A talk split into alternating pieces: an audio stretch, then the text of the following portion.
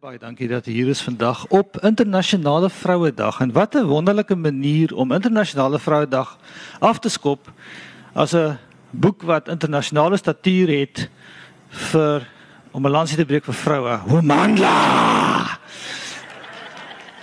Ehm um, voor my op die verhoog is natuurlik die die slimde Vries Anastasia wat daar so sit. Ehm um, en uh Ek moet daarom sê ek het haar nie gekies bloot omdat ons 'n van deel nie, Elmarie en ek het besluit dit is as joernalis en as akademikus en as boekmens is daar min gelyke om die onderhoud te voer met Sofia Kap wat natuurlik hierso sit. Taalmens, maar natuurlik ook skrywer van formaat. En uh mense as julle nog nie Kantelpunt gelees het nie, hy is te koop. Dis 'n briljante boek en absoluut die regte dag vir internasionale vrouedag. Daar's min boeke wat al die patriargie so oopgeskryf het in Afrikaans as hierdie ene. En ek gaan daarmee niks meer sê nie, want ons is hier om na julle twee te luister. Baie dankie. Lekker gesels. Dankie. Is ons aan die woord? Is ons aan die woord? Ons is aan oh, die ja, woord. ons is aan die woord. Goeiemôre. Goeiemôre Sofia, is vir my 'n besondere eer om met jou te kan praat. Dit is vir my 'n besondere boek. Ek het die boek in twee reise, vier reissessies klaar gelees en ek wil net vir jou sê toe ek die boek klaar gelees het, het ek gedink elke vrou, nie net wit Afrikaanse vroue nie, maar elke vrou behoort hierdie boek te lees en ek sal baie graag dat my vroue studente en my man studente hierdie boek moet lees want dit is wat ons op die Kaapse vlakte noem 'n kopopskieter. So ek wil hê dat jy vir ons net so kortliks vertel waaroor die boek gaan vir diegene wat nog nie die boek gelees het nie, so 'n lusmakertjie.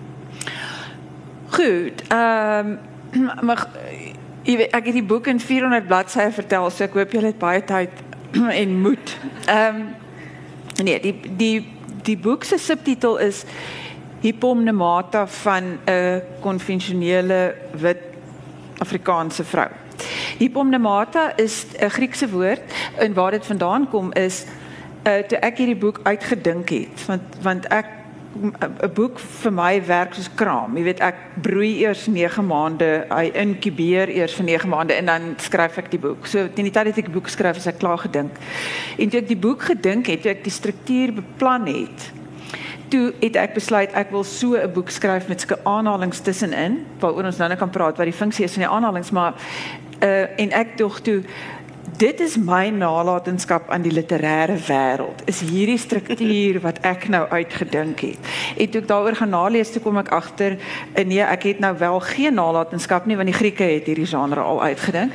En dit was by hulle uh, dit was 'n genre. Dit was 'n manier hoe jy um die werklikheid hanteer het. Jy het hypomnemate gemaak, het 'n notaboekie by jou gedra en alles wat jy waargeneem het wat 'n indruk op jou gemaak het, het jy in die notaboekie neergeskryf.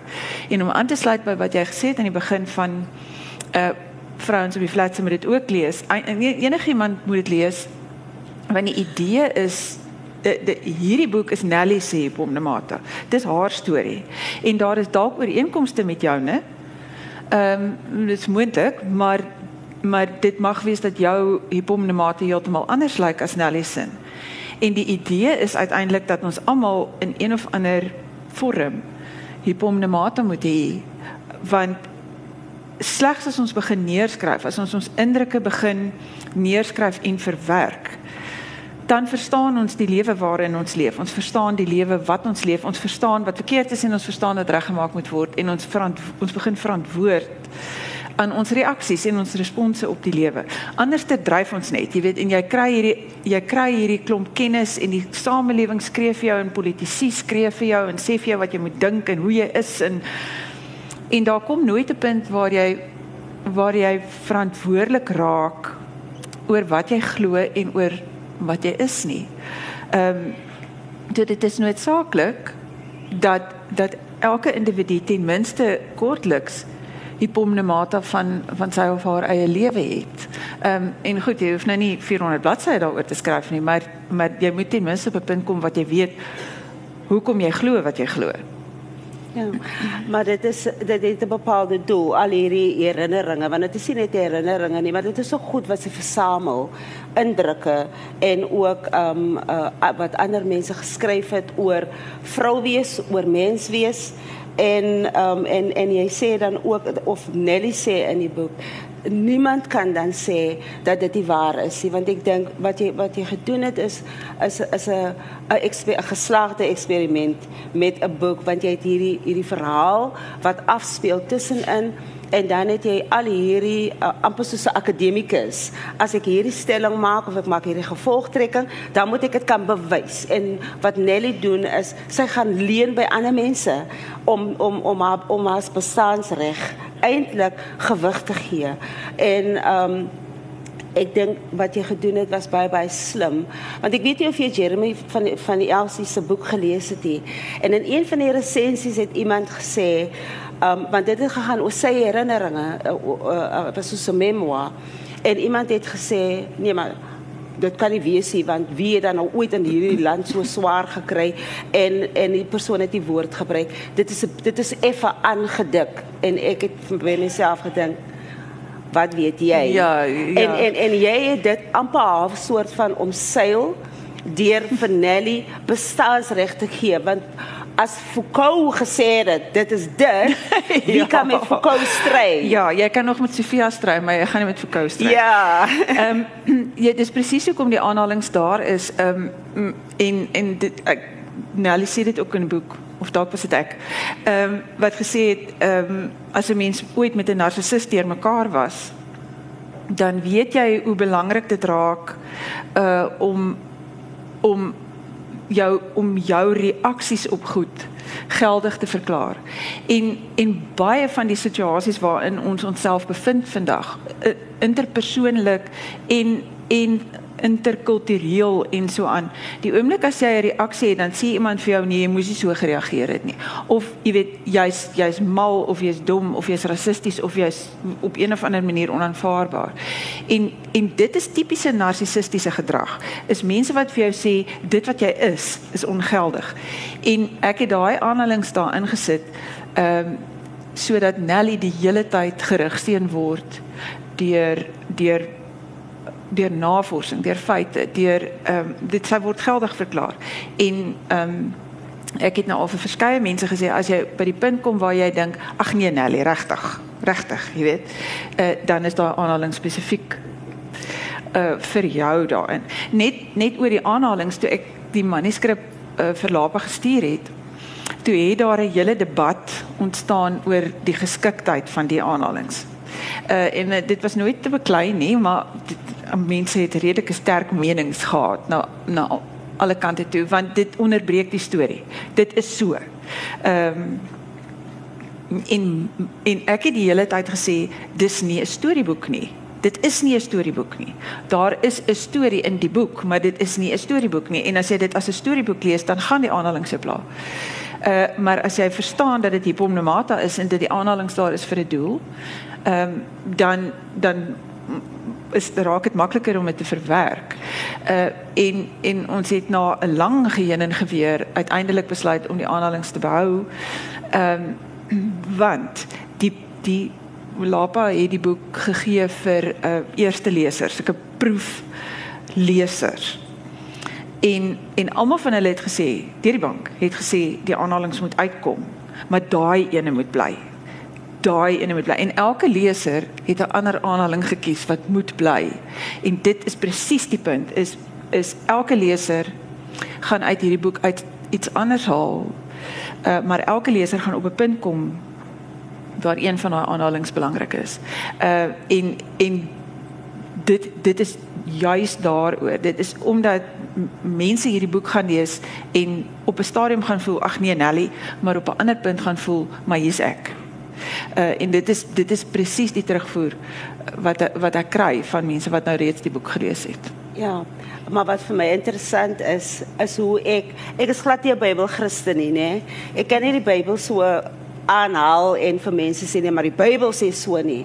Maar hy speel ook in op duiding van mense as hulle as hulle geen verweer meer het nie, dan sê hulle maar die Bybel sê so en wat jy gedoen het is het die Bybel uh, versies het jy al vervleg tussen hierdie geleerde vere se se uitsprake deur en en en met dit het jy eintlik vir mense gedwing of vir my gedwing om te loop nadink. Ek het later gevind ek sit met die uh, uh, Bybel op my op my skoot om te kyk waar kom dit dit voor en wat presies is die konteks waarbinne dit uh gebruik is.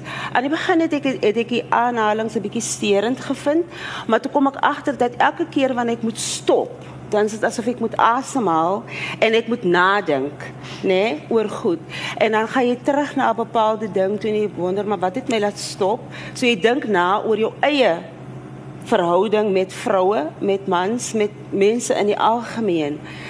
Met die, as soos die boek vorder byvoorbeeld, dan kom jy nie meer agter my ek lees al hierdie aanhalings. Dit is asof dit deel word nie net van die boek nie, maar ook van jou. Het jy het jy het jy gedink toe jy geëksperimenteer het dat dit is wat jy sou wil bereik? Ek het ek het geweet die aanhalings gaan mense pla. Want want ons is gewoond aan aan die moderne genres wat waar 'n storie loop. Hy begin by A en jy weet dalk is daar terugflitsse en so aan. Mens mens speel partykeer met die tyd, maar sulke sulke stukke teks hier tussenin is is sterend. En dit was die beswaar uh aanvanklik toe die toe die manuskrip nou ontleed is. Ehm um, maar maar dit die die storie wat vertel word, Nelly se storie is nie is nie 'n storie nie. Dis deel van die hypomnemate. Ehm um, dis dis met en as 'n mens as 'n mens dit nodig vind om eers die storie gedeelte klaar te lees en dan terug te gaan na die aanhalings toe, dis ook doodreg. Jy mag die boek lees net soos wat jy wil, is jou boek. Ehm um, maar maar die goed is daar vir Nelly. Ek het ek het toe ek Nelly geskep het, besluit ek gaan die vrou maak in al haar weerloosheid want sy is weerloos. Sy is dwars deur die boek weerloos van die begin tot die einde. Maar ek stuur haar nie in die wêreld in sonder sonder 'n harnas nie. Yes. Ehm um, want ja, kritiseer haar uh, en dat sy het kritiek gekry. Kritiseer haar gerus. Uh maar maar ek gaan haar in die wêreld instuur met behoorlike ehm um, rigsteun. Sy gaan by sy gaan by lesers aankom ehm um, met met ander mense, navorsers, ehm um, insigte wat dit wat sy is op 'n bepaalde stadium verklaar. En die Bybelversies is daarin want dit is nou maar dit is nou maar hoe jy groot word as jy wit en Afrikaans en konvensioneel is. Die die Bybel onderlê jou opvoeding en jy weet as jou as jou ma nou niks anders het om jou mee te dreig nie dan dreig sy jou met liewe Jesus wat vir jou kyk. Ehm um, so en en dit is dit is byvoorbeeld op sosiale media opmerklik as daar as daar 'n bespreking is van een of ander kwessie, jy weet, sê nou maar homoseksualiteit of wat ook al, is daar altyd in daai bespreking, in daai gespreksketting, is daar iemand wat sê dis nie God se wil nie. Dis daar's dis asof en die persoon wat dit sê sê dit met die soort verwagting dat dit die einde van die gesprek is. Dat daar niks verder te sê is daarna nie. En en die gevaar daarvan is dat 'n mens of in die ou bedeling nie nou meer nie want mense het nou al geleer mens mag daarna praat. Maar daar was 'n daar was 'n definitiewe opvatting in my tyd toe ek groot geword het toe Nelly groot geword het dat jy daarna geen stem meer het nie. As daai ding op die tafel gesit is, is die gesprek verby.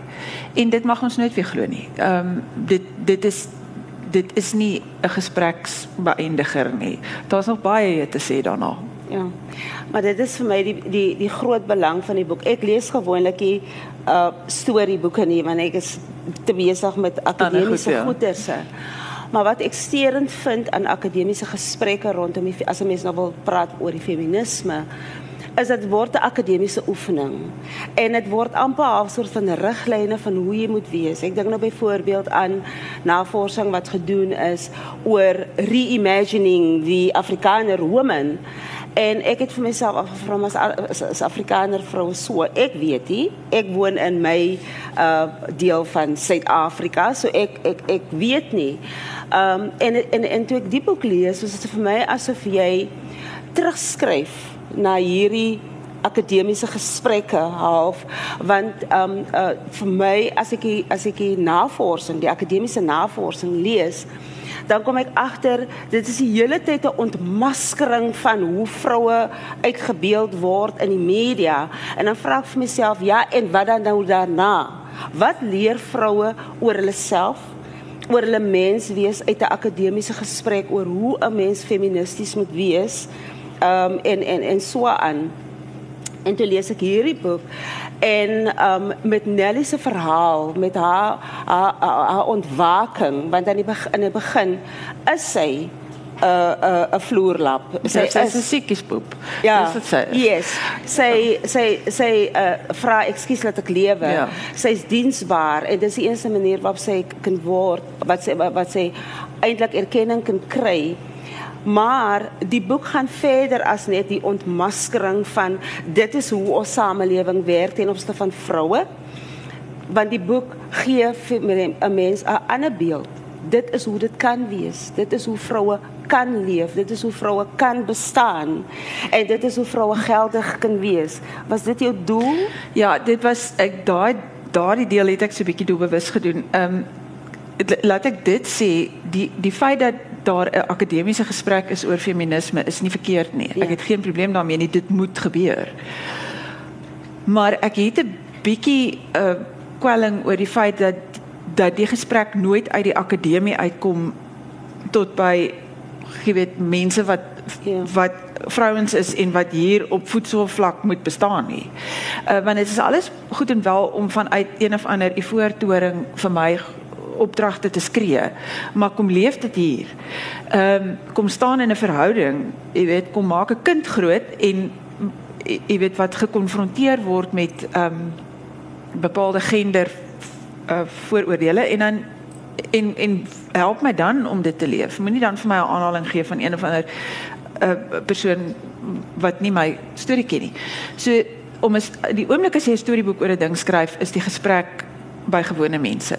En dit is ons gesprek want ons leef dit. Ons ons vrou wees is is ter sake. En ek ek wil regtig self my eie vrou wees kan definieer en dit is dit is wat Nelly wil doen. Is sy sy wil nie hê akademici moet dit vir haar doen nie. Sy wil nie hê mans moet dit vir haar doen nie. Sy wil ook nie hê ander vrouens moet dit vir haar doen nie. Want my ervaring van die patriargie is ehm um, dat die die grootste ondersteuners en die grootste bevorderaars van die patriargie is nie mans nie. Dis vroue. Uh dis ouer vroue wat vir jou sê moenie so maak nie, jy mag nie vloek nie, jy mag nie sulke klere dra nie, jy mag nie so optree nie, jy moenie op die tafel sit nie, dogtertjies wat vlei word by die deur uitgesmy. Weet, sulke vroue wil jou vrou wees vir jou definieer en hulle doen dit met die beste bedoelings. Ehm uh, as jou ma jou geleer het dis hoe 'n huisvrou maak, dit is hoe 'n ma maak, dis hoe jy dis hoe jy optree, het sy dit nie gedoen om jou af te knou of om jou te benadeel nie. Glad nie. Sy het dit gedoen omdat sy lief is vir jou en sy het dit gedoen omdat sy wil hê jy moet by die samelewing inpas, want as jy nie inpas nie, kry jy swaar. En dis wat met Nelly gebeur. Die oomblik as sy besluit nou maar goed, ek wil nou nie meer hierdie konvensionele rolletjie vertolk nie en ek gaan nou praat, dan verloor sy alles. So dit was een van die punte van kritiek teen die boek in 'n in 'n resensie of 'n bespreking het iemand gesê Nelly irriteer haar. En Nelly is irriterend aan die begin. Ja. Sy het dit my ook geïrriteer. Ehm um, Dit is bedoel om jou te irriteer want sy sy is so ekskuus laat ek jy weet ja ek bly net maar stil jy weet en en my kind trap op my en my man trap op my en my skoonma trap op my en my my skoonsister en maar die oomblik as sy begin praat verloor sy haar huwelik sy verloor haar kinders sy verloor haar haar aansien by die werk sy verloor haar vriendinne. Sy sy raak in 'n argument met net my almal betrokke want want sy sy die goed wat sy sê is is ongemaklik. Sy raak ongemaklik. En aan die einde van die boek het 'n mens 'n 'n soort van 'n verwagting dat hierdie mense gaan terugkom, maar jy weet nie. En en dit is dit is wat met jou gebeur as jy as jy besluit maar ek breek uit hierdie stilte uit. Daar's mense wat nie jou woorde kan verwerk nie. Ehm um, so dis alles goed en wel om te sê kry net lewe, Nelly, haal asem. Hmm.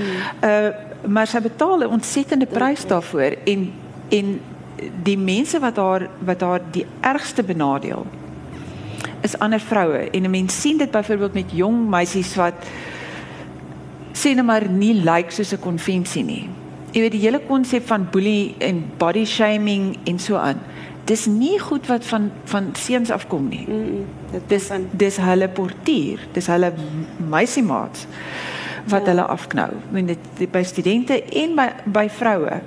Ehm um, ons is mekaar se grootste vyande en vyande. Ja. ja, want ons voldoen nie aan mekaar se idee van vrou wees nie. Ja. En en as ek as daar enige iets positiefs uit die storie moet kom, dan moet ons daar kom. Van van eh, nee, jy is nie soos ek nie, nee, jy lyk nie soos ek nie, nee, jy klink nie soos ek nie, nee, jy jy sê iets anders oor vrou wees as ek, maar ons almal is deel van die debat. Hmm. Dis belangrik. Ehm um, is dat ons almal se stemme gehoor moet word en dat almal 'n hipomnemate moet hê. Jy weet, sodat sodat al die stemme in Suid-Afrika saam Suid-Afrika se storie en Suid-Afrika se vroue se storie moet word. Ja. Ek het um wa- want die, aan die begin sê jy mos nou dit gaan oor die ontwaking van Petronella Jacoba van aarde.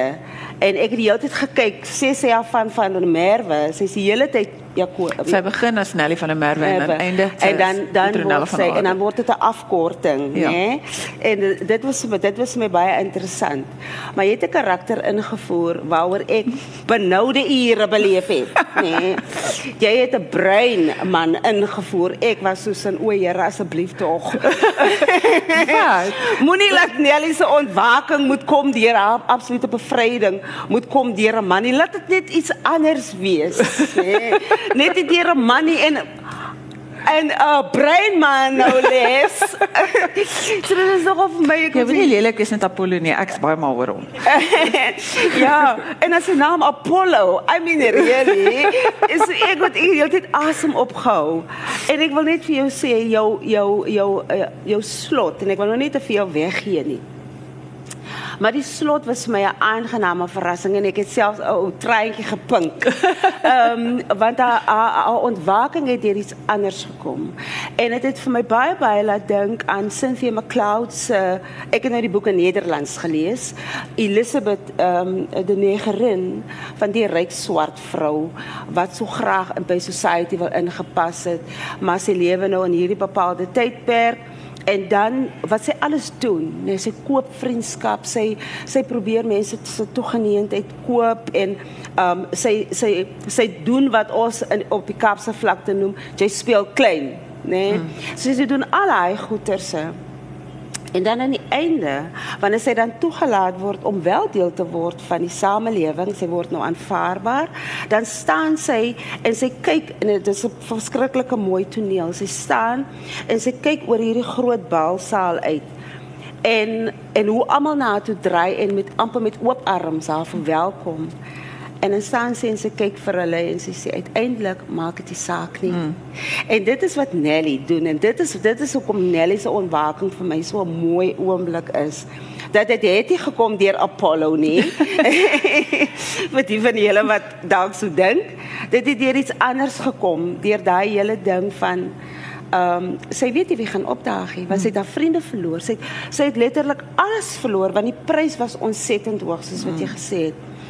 Um, maar daai besef van uiteindelik maak dit nie saak wie het almal opgedaag nie. Ja, die dit al wat saak maak is dat die mense wat wel opdaag daar Yes. is omdat hulle daar wil wees. Ja. Ek ek kyk ek skryf ek skryf liefdesverhale en uh, jy weet ek is verslaaf aan romantiek en ek gee glad nie om om te erken nie. Ek dis ek is heeltemal gemaklik daarmee. Uh, en ek het ek het dit begin skryf as 'n as 'n liefdesroman en hierdie verdomde vrou wou nou net glad nie saamwerk nie. Ek het vir die mooiste man geskep. En hy is oulik, hy is 'n held, hy is uh, alles wat 'n mens wil hê en sy het net verseg. En ek het aanvanklik 'n ander einde vir die storie geskryf uh wat wat ek ingestuur het en almal het gesê nee. Ehm um, ek het dit gedoen ter wille van my lesers wat mos nou van my gaan verwag om 'n liefdesverhaal te skryf. En en dit het ek het geweet dit werk nie, die uitgewer het gesê dit werk nie en toe het ek die einde gaan oorskryf om dit nou dit soos wat dit nou is. En dit werk. Want want ek het die ek het die man daar vir Nelly neergesit, maar dit is nog steeds haar keuse Yes. wat wat gaan gebeur.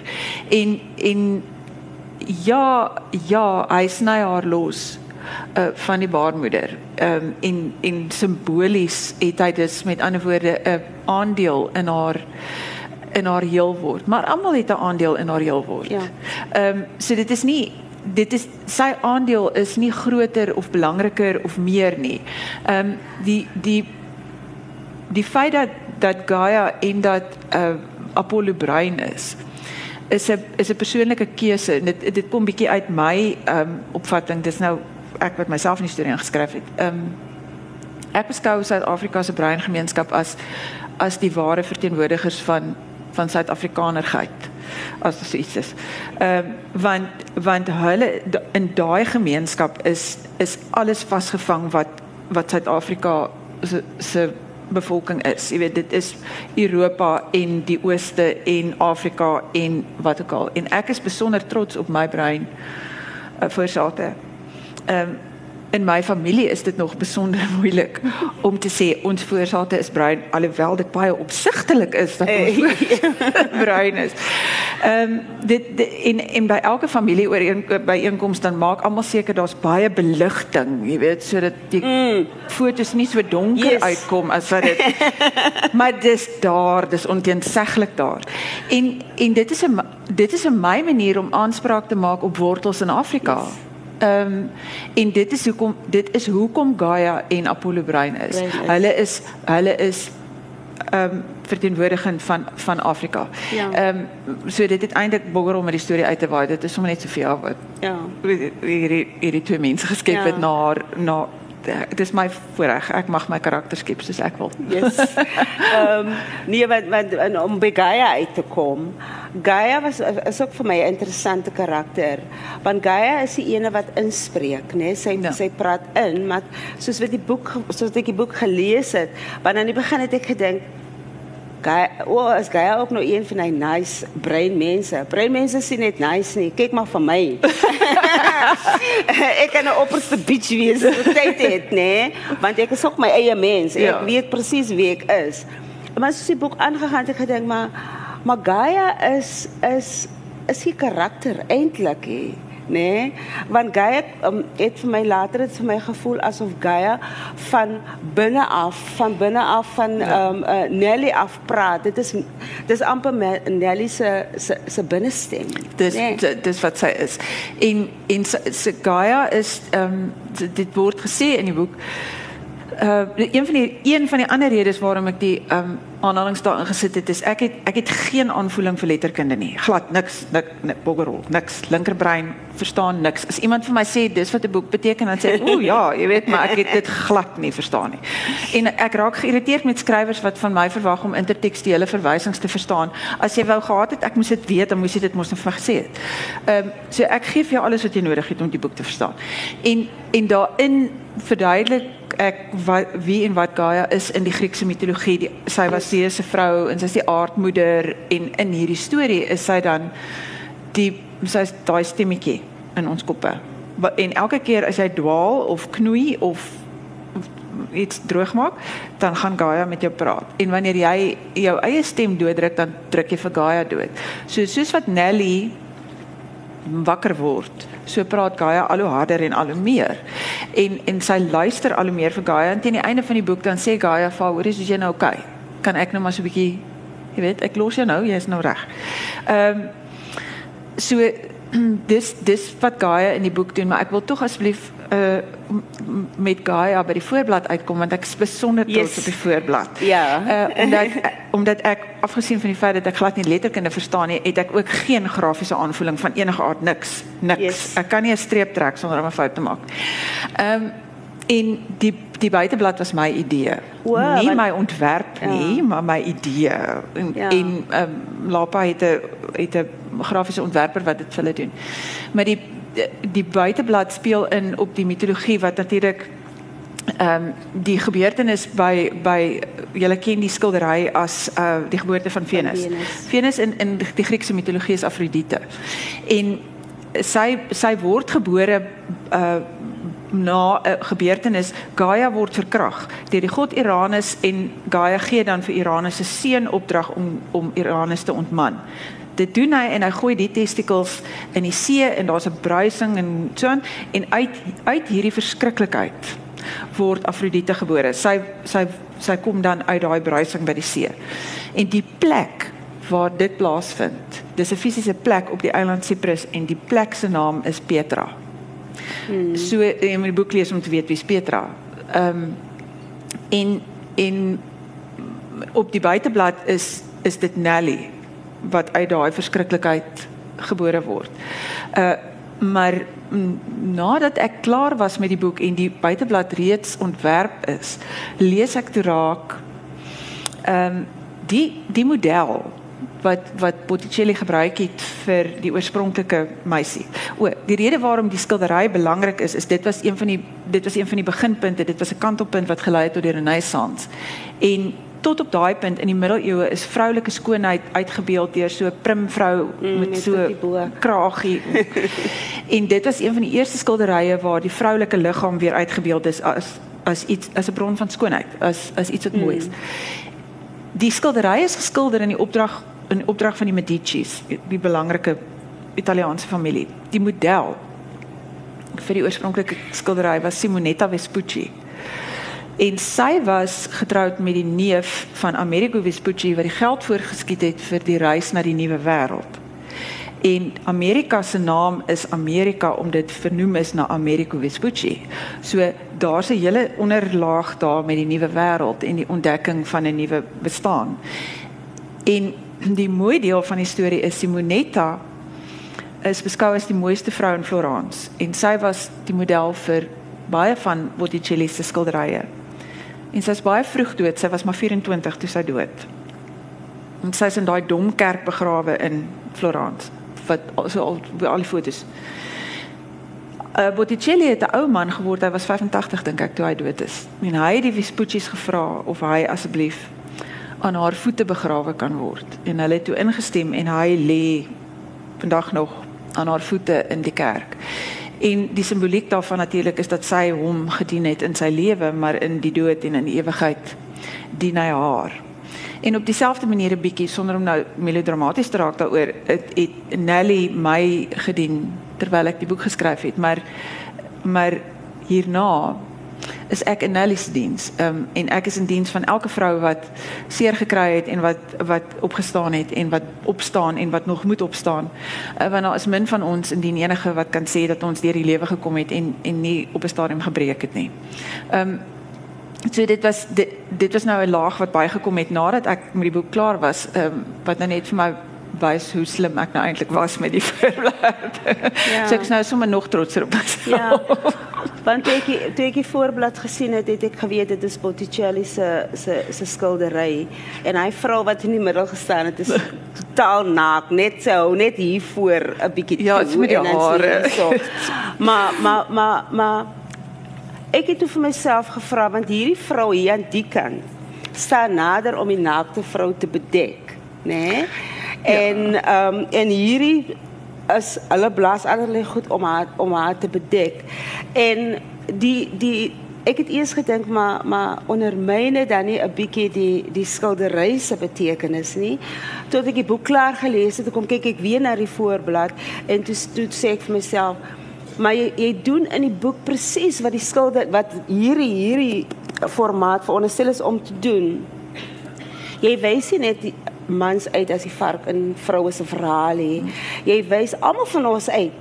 Elke keer wanneer jy 'n woord, wanneer jy iets sê, um, om iemand stil te maak, om iemand die ja. swaye op te lê of om iemand mond dood te maak, dan doen jy wat hierdie mense doen eintlik en jy jy wys ook byvoorbeeld dat ehm um, patriargie het 'n vagina.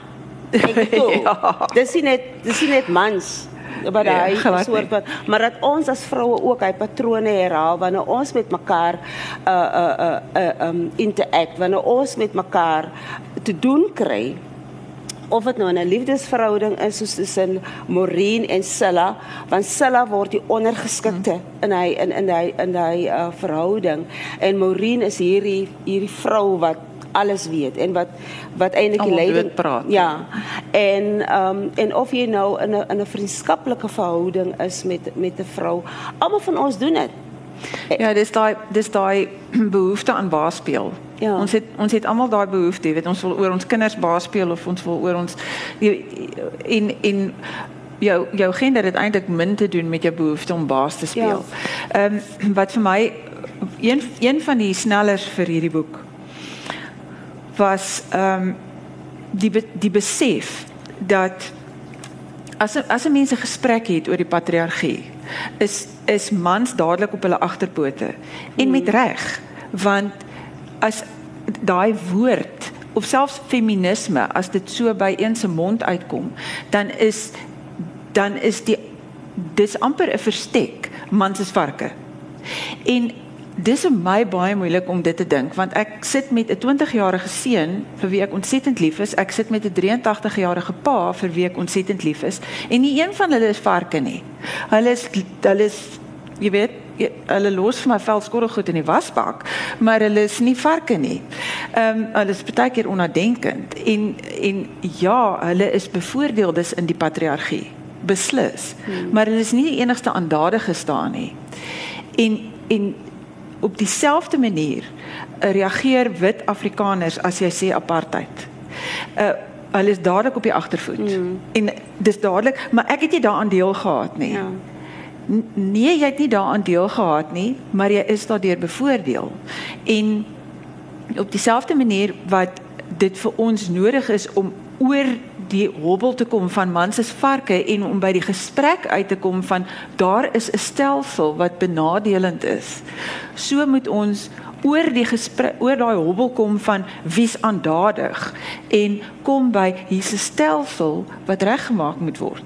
Ehm um, en en vroue, wit vroue, sit in 'n baie unieke posisie hier in die sin dat ons in die patriargie benadeeldes is, maar maar in die rassepolitiek in die land is ons bevoordeeldes.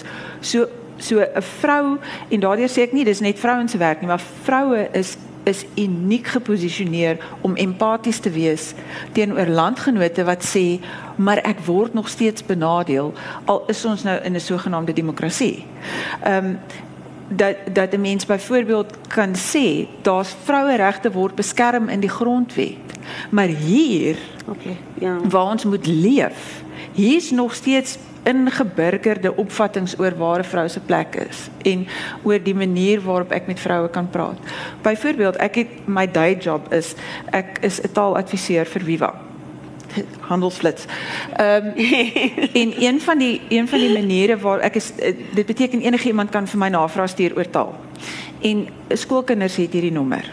So hulle mag vir my WhatsApp stuur en sê Tannie hoe spel 'n mens hom en dan sê die Tannie. Ehm um, en en 99.9% van hulle is baie hoflik en ordentlik en dankie Tannie en so. En dan is daar 1% wat dink dit is oukei okay om vir my suggestiewe boodskappe te stuur.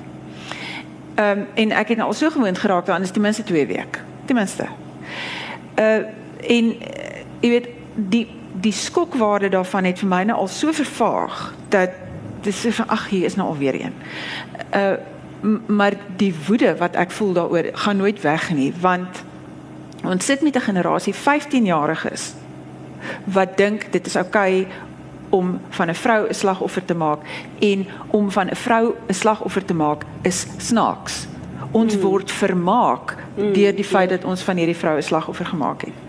En in my geval is ek lankal nie meer 'n slagoffer nie, want dit is ook een van die goed wat 'n mens versigtig moet wees om as jy praat oor die patriargie om te dink elke vrou is 'n slagoffer mm. of vrouens is by verstek slagoffers. Ja. Dit is ook nie waar nie. En om en, en dit is by die Me Too beweging ook is ja, daar is daar is vroue wat tot slagoffer gemaak is, dan maar ons is darm bietjie meer as net slagoffers. Jy weet, ons het ook 'n lewe. Ehm um, en en as as ek so 'n boodskap kry, is my reaksie lankal nie meer ek is nou 'n slagoffer nie. My reaksie is jy is nou 'n poepel want jy het hierdie ding vir my geskryf.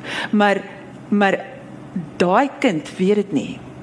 En dit dit kwel my dat daardie boodskappe geheel en al altyd deur wit Afrikaanse seuns gestuur word. Nie deur meisies nie, nie deur deur kinders van ander tale nie. Hulle is deur die bank wit en Afrikaans. En dit beteken feminisme en die probleme met die patriargie en die herstel wat ons moet sien in hierdie samelewing is oppervlakkig. want daar's 'n nuwe generasie wat nog glad nie geleer het dat hierdie gedrag is 'n misdaad nie. Dit is 'n misdaad en dis 'n misdaad vir 'n rede. Ja. En en jy weet toe ek dit nou die dag in 'n akademiese gesprek opgehaal het, toe het toe was die knee jerk reaksie van die persoon vir wie ek dit gesê het, maar jy's haat. Nee, dit is nie 'n kompliment nie. En nee, dit gebeur nie omdat jy haat is nie en nee, ek is nie haat nie, ek is 'n tannie. Ehm um, dit is nie 'n kompliment nie. En dit is dit dit is vir my steurend dat ander volwassenes vir wie ek dit sê dink dit is omdat dit is omdat dit 'n eienskap van my is dat so iets gebeur. Dit gebeur gewoon omdat ek vroulik is, omdat ek gendergewys 'n vrou is. Ja. Dis wat van my 'n slagoffer gemaak het. Nie my klere of my looks of wat ook al nie. Dis omdat hierdie seun dink hierdie vrou is 'n geskikte slagoffer. Ja maar ook maar ook dat dat jy eintlik dankbaar moet wees want kyk jy's mos nou jy ja, is mos nou nie meer 'n tiener amper half dood so, en ja. hier is nog 'n kind wat dink dit is okay ja. jy weet ja. nee ja. ek hoef nie te dink dit is okay nie sulke goed soos klaar jy of breek jy ja is soos hallo um rarig ja. jy weet moet ons nog hierdie gesprek hê Presies. Ja. Uh, maar maar dit is nodig want ek bedoel mense sien dit hoe hoe 'n jonger geslag die patrone herhaal en Precies. hoe 'n uh, 'n jonger geslag vroue um, ek werk nou met oorwegend breinstudente en um, hoe studente van uh, vroue studente sal vir my kom sê as ek nou hulle in groepe laat werk, dan sal hulle vir my kom sê, "Maar Anastasia, daai twee jongens het nie saam gewerk nie." Dan sê ek, "Bring hy twee jongens vir my." Dan bring hulle nou die die die die seunskinders en dan sê ek, "Nou sê nou vir hulle wat het julle gesê?" So, "Nu sê Anastasia, nee, ek is niemand se woordvoerder nie. Jy staan op vir jouself, jy sê dit. As jy dit nie voor hulle kan sê nie, dan moet jy dit liewer ongesê laat bly maar jy moet opstaan vir jouself. Dis jy sien dit. Dis 'n bietjie uh, wat met wat met Annabel gebeur. Ek was uh, baie wreed met die arme Annabel. Ehm um, sy sy sy is nie in staat ja. om te sê hier is verkeerde goed nie want sy het so afhanklik geraak van ehm um, haar pa en ander mans se goedkeuring ehm um, omdat dit haar geldig verklaar. En baie van ons leef met daai dinge en, en ek het self ek is self skuldig daaraan. Dat dit dit dit vir my moeilik is om vir enige iemand te sê ek skuis tog nee of ek stem nie met jou saam nie of as iemand vir my een van die goed wat met my gebeur is mense sien my en sê skryf asseblief vir my 'n uh, skryf asseblief vir my 'n uh, uh, jy is mos 'n skrywer. En jy weet ja, ek het nog tyd tussen 2 en 4 in die nag, ek kan nog werk. Ehm um, mm. maar maar ek het moeite om te sê nee want ek is bang mense hou nie van my nie. Uh en en dis presies wat met jou met jou meisiekinders gebeur is dit is belangriker yes. om van gehou te mm. word as om jou regte te hê. Want want as jy as jy op jou reg staan dan gebeur presies wat met Nelly gebeur het. Is mense keer jou die rug toe. Ehm um, en dit is 'n dit is 'n duur prys om te betaal. Mense ja. raak geïsoleer en jy raak bietjie eensaam. Ja. Um, om bietjie af te stap van dit. Ek gaan nog een vraag vra en dan uh, gaan ons nee, ek sien vir julle kans gee om lekker saam te klets. Um, en vir Sofia vrae te vra. Ek wil net vir jou ek wil net eh, eintlik 'n opmerking, maar ek wil hê jy moet daarop um, reageer. Jy sê jy sê letterkundige nie. Uh ek wil hê jy moet dit ooit weer sê nie, want dit is ehm um, hierdie boek kan op soveel vlakke ontleed word. Soos byvoorbeeld as ek nou vir my studente wat by my kreatiewe skryfwerk doen wil wil sover kry om te eksperimenteer met vorm, nê, nee? want hulle wil hulle wil begin en hulle wil hulle middel hê en dan wil hulle einde hê. Sê ek skryf nie opstelle nie, of skryf kort verhale of skryf uh prosa.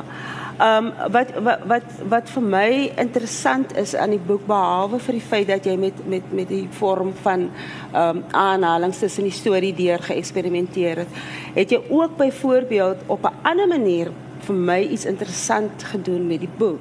As 'n mens deel 1 lees, dan word dit vertel vanuit 'n verteller perspektief. Dan lees jy en, jy kry al hierdie opskrifte soos byvoorbeeld um ondergeskik nee, vrou en in aller in allerlei tale. Kyk, ek was so beïndruk. Nee. ek het my eie mens daar op Oudtshoorn gebel en gesê, "Here, die vrou praat die vreemde tale wat ek nie verstaan nie." Gelukkig praat hy Italiaans, so hy verduidelik nou vir my van Molière is nou weet jy wat nie, so vrou. Ja. En dat die laaste deel gaan oor die naakte vrou, Ja. né? Nee? Want sy gestroop is van al al hierdie goed. Maar 'n mens moet deur die vorm kom om te besef, om die regtig die waarde van die boek te besef. Ehm um, want deel 1 se se se se opskrifte word herhaal in deel Deel 3, twee, ja, deel drie, ja. Deel 3. Want deel 2 bestaan uit een ehm um, uh, uh, sê maar 'n hoofstuk kantelpunt. Hmm. En daai deel is in die eerste persoon geskrywe waar Nelly Ja. haar eie storie vertel, nê? Nee? En ek het ek dink ek het in hy stadium toe ek haar kom te sê ek you go go, nê? Nee? en toe kom ek by deel 3 en ek en ek dink Jesus, maar Jesus nou iets vreemd. Nee, ek het afgeskrywe. Ek het ek het myself gesê Jesus het hom nou iets vreemd in die gang.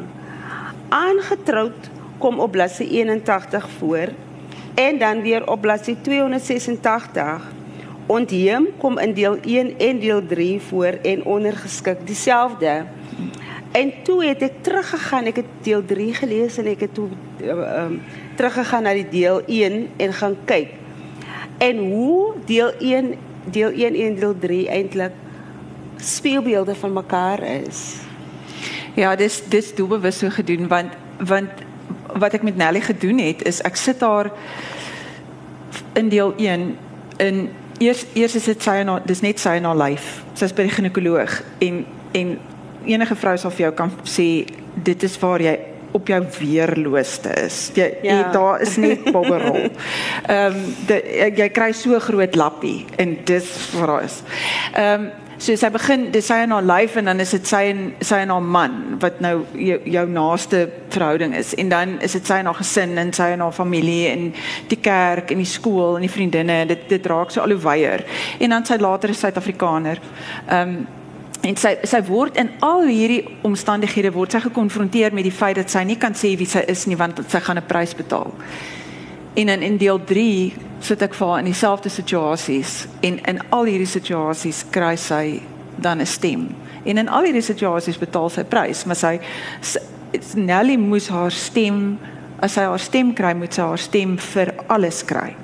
Ehm um, jy kan nie jy kan nie net begin praat sien maar teenoor 'n man, maar jy bly stil teenoor jou vriendinne wat jou benadeel nie of jy bly jy bly stil teenoor jou swart landgenote wat jou wil benadeel nie.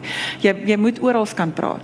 Nie skree nie, nie vloek en skel nie, maar jy moet kan praat en jy moet met oortuiging praat en jy moet met deernis en en en met met 'n aanvoeling praat. Ehm um, maar daarom daarom word dit so dit word so 'n herhaling. Een van die een van die punte van kritiek teen die boek was dat dit ehm um, issue fatigue skep vir die leser. Ehm um, en en dit is ongelukkig die geaardheid van sulke skryfwerk. Is as jy begin issues uitwys, dan dan is die die moontlikheid vir issue fatigue daar. Ehm um, en en dit dit is so dat dit geweldig baie is vir een vrou om te beleef.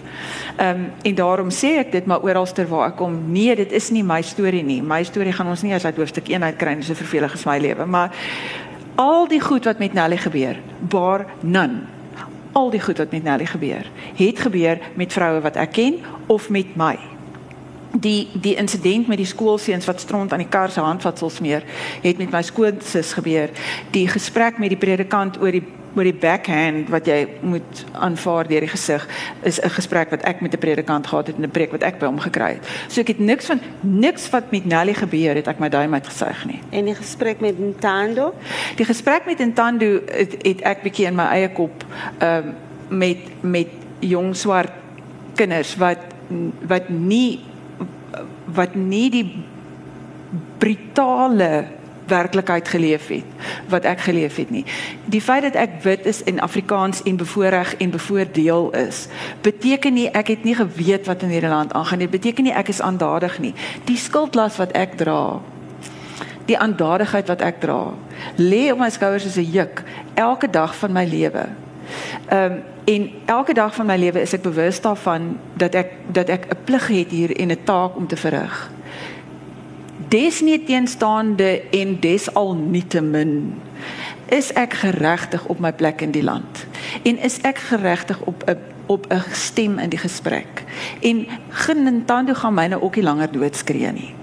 Want want jy weet by elke politieke vergadering waarna 'n mens luister en ons staan nou op die vooraand van die verkiesing en daar's 'n klomp mense wat wat wat wit Afrikaners spesifiek uh se plek in die land en se plek se rol hier en se funksie hier ongeldig wil verklaar terwyl van van 'n politieke agenda.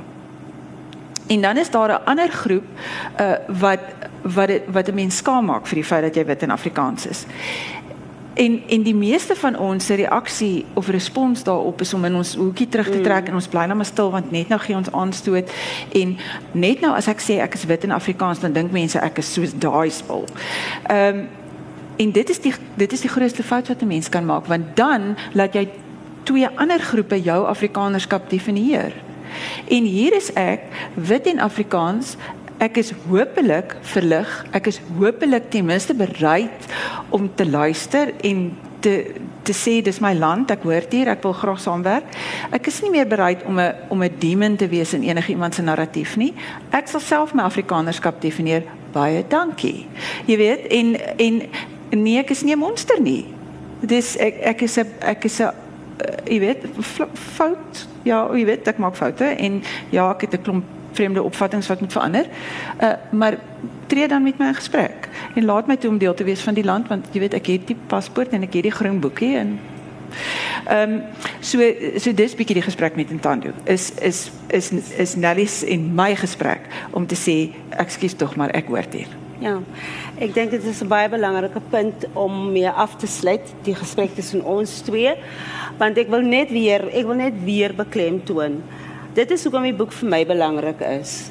Want met met al sy aanhalings, al sy irritasies en al dit dink ek die boek dwinge mens om na te dink om te, na te dink oor hoe hoe ek as bruin vrou teenoor jou optree, ehm um, hoe jy as wit vrou teenoor hmm. my optree. Dit dwing jou om jou eie om jou om jou eie self te bevraagteken, nê, nee? om te doen wat my ouma altyd gesê het dat jy moet vir jouself count wanneer jy so ja uh, mense doodpraat of jy wil mense hy valbeil argumente ja. um voer. So ek dink dit is 'n baie baie belangrike punt om hier af te sluit die ding van ons moet leer om na mekaar te luister en regtig waar vir mekaar te hoor, nie net te sê ek hoor wat jy sê nie, want as iemand so begin dan praat ek nie met jou ja, nie. I take nee. note. Nee. Uh -uh, uh -uh. Um so ek dink dit is 'n baie baie belangrike punt en ek wil net vir jou sê regtig waar baie baie baie dankie vir die boek. Ek dink ek is ook nou 'n fan. Soos wat my studente, kyk my studente dink ek is nommer 1 want ek praat met Sofia Kap. Nee. So uh, baie baie dankie vir die gesprek. En ons gaan nou vir julle oorlaat om vrae te vra. En ehm um, die die wat wil vra vra met my eers wag tot die mic af voor by ja, by julle is. Uh, Sofia, ek het uh, hier is 'n vraag vir Kantelpunt en jou ander skryfwerk ook. Skoei jy jou karakters op werklike mense of is 'n karakter 'n samestelling van verskeie indrukke? Uh my karakters in hierdie boek, die karakters in hierdie boek is almal stereotypes. Dis dis nie stereotypes nie, dis prototipiese karakters. Ja. Ehm ja. um, en en as as jy mooi daarna kyk, die die al die karakters stel 'n bepaalde soort mens voor. Ehm um, en en selfs selfs Apollo wat ek nou soort van half baie ag ek sê maar hom. Ehm selfs hy is 'n prototipiese held. Uh, uh, so almal van hulle is prototipe. So nee niemand ek sal nooit iemand in my boek inskryf as oneties. Maar daar as jy vir my 'n uh, insident gee of jy gee vir my 'n storie as jy met my sit en gesels en daar's iets interessant of jy's interessant of wat ook al. Onthou net met 'n skrywer niks is niks is ooit verbode terrein nie. Ek sal nooit as iemand vir my 'n hartsding vertel dit net so in 'n in 'n storie gaan inskryf nie. Maar maar wat ek uit uit so 'n gesprek vat is die reaksie. Is is is daai is die seer want daai goed is universeel. 'n vrou wat seer kry alle vroue wat seer kry lyk dieselfde. Mm. Alle mans wat seer kry lyk dieselfde. Mm. Kinders wat beskadig is lyk dieselfde en hulle tree dieselfde op. So daai goed haal ek uit en dit skryf ek in 'n storie in.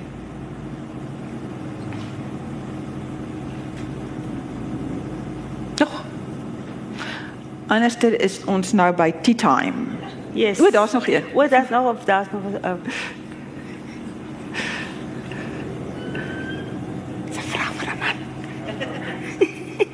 O, ekskuus, ek jy moet sy mic aanskakel. Hallo. Hallo. My familie is 'n bietjie verbaas dat ek nou juist die vraag vra. Okay. Ek wil net weet is word die boek vertaal en in watter tale word hy vertaal? Uh daar is nie daar is nie op die oomblik ehm um, ons het nog nie 'n gesprek gevoer voer oor vertaling nie. Ehm um, ek my my stories is verskriklik Afrikaans. Ehm um, en en ek dink daar sal 'n bietjie werk moet ingaan as 'n mens die storie vertaal in 'n in 'n ander taal want ek weet nie of 'n of of in 'n of 'n ander kultuur sien nou buitelandse kultuur bedoel ek nou. Ehm presies al hierdie Afrikaner angste en issues gaan verstaan nie. Uh maar nee, die antwoord is nee. Daar is nog nie op die oomblik 'n gesprek nie. Ek sou vreeslik graag so 'n gesprek wou voer uiteraard. Hoor jy Isak, waar's jy? Daar. um, ja, dit dis natuurlik altyd die eerste prys om om jou boeke vertaal te kry, maar maar Sofia het mos nou maar hierdie Afrikanerskap wat so in haar are bruis. Ehm um, en as en elke keer besluit ek ek gaan nou 'n internasionale boek skryf en dan sit weer so 'n Afrikaanse vrou. so dit dit maak dit bietjie moeilik. Daar's nog een hierso. Ehm um, ek wil net graag sê dit, dit wat jy genoem het van die ehm um, boodskappe wat jy kry van hierdie tienerseuns.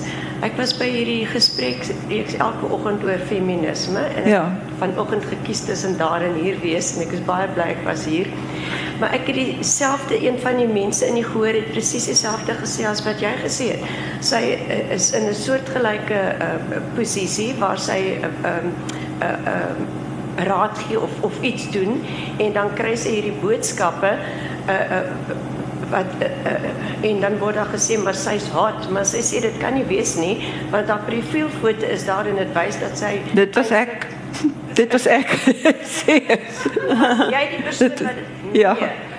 Ja, dit was ek wat dit sê. Dit dit was ek was by daai gesprek. O, okay. Dit- Dit, is dit dit klaar dit vir my op want ek het gedink hierdie storie kom nou van twee kante af en dan Nee nee, dit dit nee. wat gaan aan. O, maar wil waar kom dit vandaan? Dink jy dit kom uit die huis uit? Dink jy dit kom uit die media uit? Dink jy dis net onder die onder in 'n sekere kultuur? Weet jy ek dink 'n mens moet 'n mens moet ophou om om 'n enkele ding daarvoor te soek. Ek dink daar is 'n ding soos 'n soos 'n dit loop soos 'n donker stroom in in 'n in 'n gemeenskap is die opvattinge wat ons wat ons kry uit ons omgewing. Ehm um, en en jong seuns se aanname dat hulle die reg het om so iets dat hulle die reg het om so iets te doen en B dat dat dit vermaak is om so iets te doen is is goed wat hulle bymekaar aanleer. En omdat daar nie omdat omdat dit nie verwoord word nie. Ek meen hulle hulle gaan mos nie vir hulle ouers sê luister maar ek het nou hierdie boodskap vir die vrou gestuur nie. Want hulle gaan raas kry. Maar omdat dit omdat dit nie verwoord word nie, omdat niemand daaroor praat nie, is dit iets wat net wat homself net jaar na jaar na jaar voortsit. En en dit dit is iets wat gestop gaan word wanneer 'n hele samelewing begin fokus op sulke gedrag en sê nee jy kan nie by 'n braaivleisvuur staan en seksistiese grappe vertel nie. Dit want dit dit normaliseer dit. Nee jy kan nie daar staan en rassistiese grappe vertel nie want dit normaliseer dit. By daai einste gesprek was daar 'n ouetjie wat gesê het dis moeilik om te weet waar om die streep te trek. En ek het daar gesit en gedink nee dit is nie. dit is nie. Dit is glad nie moeilik om te weet waar sit die streep nie. Jy sê nee, dit is nie oukei okay nie en jy loop weg. En as genoeg mense dit doen, dan dan sal dit ophou om normaal te wees. Want dit is dit is omdat ons stil bly. Dit is ons om, ons is almal 'n Nelly op 'n bepaalde tydstip. Ons wil nie mense afronteer nie. So ons bly stil by familiegeleenthede waar daar 'n rasis is soos in die boek. Uh wat wat rassistiese benamings het vir ander vir ander groepe, maar jy bly stil want dit is jou swaar en jy wil nou nie hierdie familiebyeenkoms staan op 'n loop. Ehm um, moenie moenie dit normaliseer nie. Moenie deel wees van die van die kring wat dit wat dit normaliseer nie. En en in 'n skool is al wat jy nodig het is een seun wat sê ekskuus tog nee. Ek het 'n 20-jarige seun. Ek weet presies hoe klink hy en sy maats. Die hele lot van hulle weet. Hulle kan daar buite praat soos wat hulle wil. Maar as jy in my huis 'n seksistiese grap vertel, dan sê dit dan nie sommer vinnig aan nee. En die die uitval daarvan is my kind het um, in sy studiegroep is daar 'n 'n jong swart seun 'n man. Uh, en hy's 'n baie tradisionele Zulu. En op 'n stadium vra ek vir my kind, hoorie so, hoekom is die kinders wat hier in my huis kom so wit? Waar's die swart maat? Hoekom kom hy nooit? Toe sê my kind vir my, ek kan hom nie hiernatoe bring nie want hy gaan 3 minute hier wees dan jy met hom 'n fight gepiek. En ek sê maar, ekskuus tog, ek sê, wat is fout met my? Toe sê hy, nee, hierdie kind is tradisioneel. Hy's 'n seksis en hy's 'n homofoob. En en jy gaan hom nie uitlos nie. En hy slim, ek het hom nodig. So ek hou nie na te bring nie want jy, want jy gaan hom jy, jy gaan hom wegjaag. So dit is ons moet klaarmaak, maar dit dis dis gekompliseer. Ons moet iewers begin. Iewers moet iemand sê nee. Want as een mens sê nee, dan hou dit op. Mm. Oké, okay, bye bye, dankie. Ek dink ons is klaar. Ehm um, uh, uh, Sofia gaan boeke teken in die boeke tent. Ja. So uh, nie daar uit die die kant. Dankie okay. julle, baie dankie.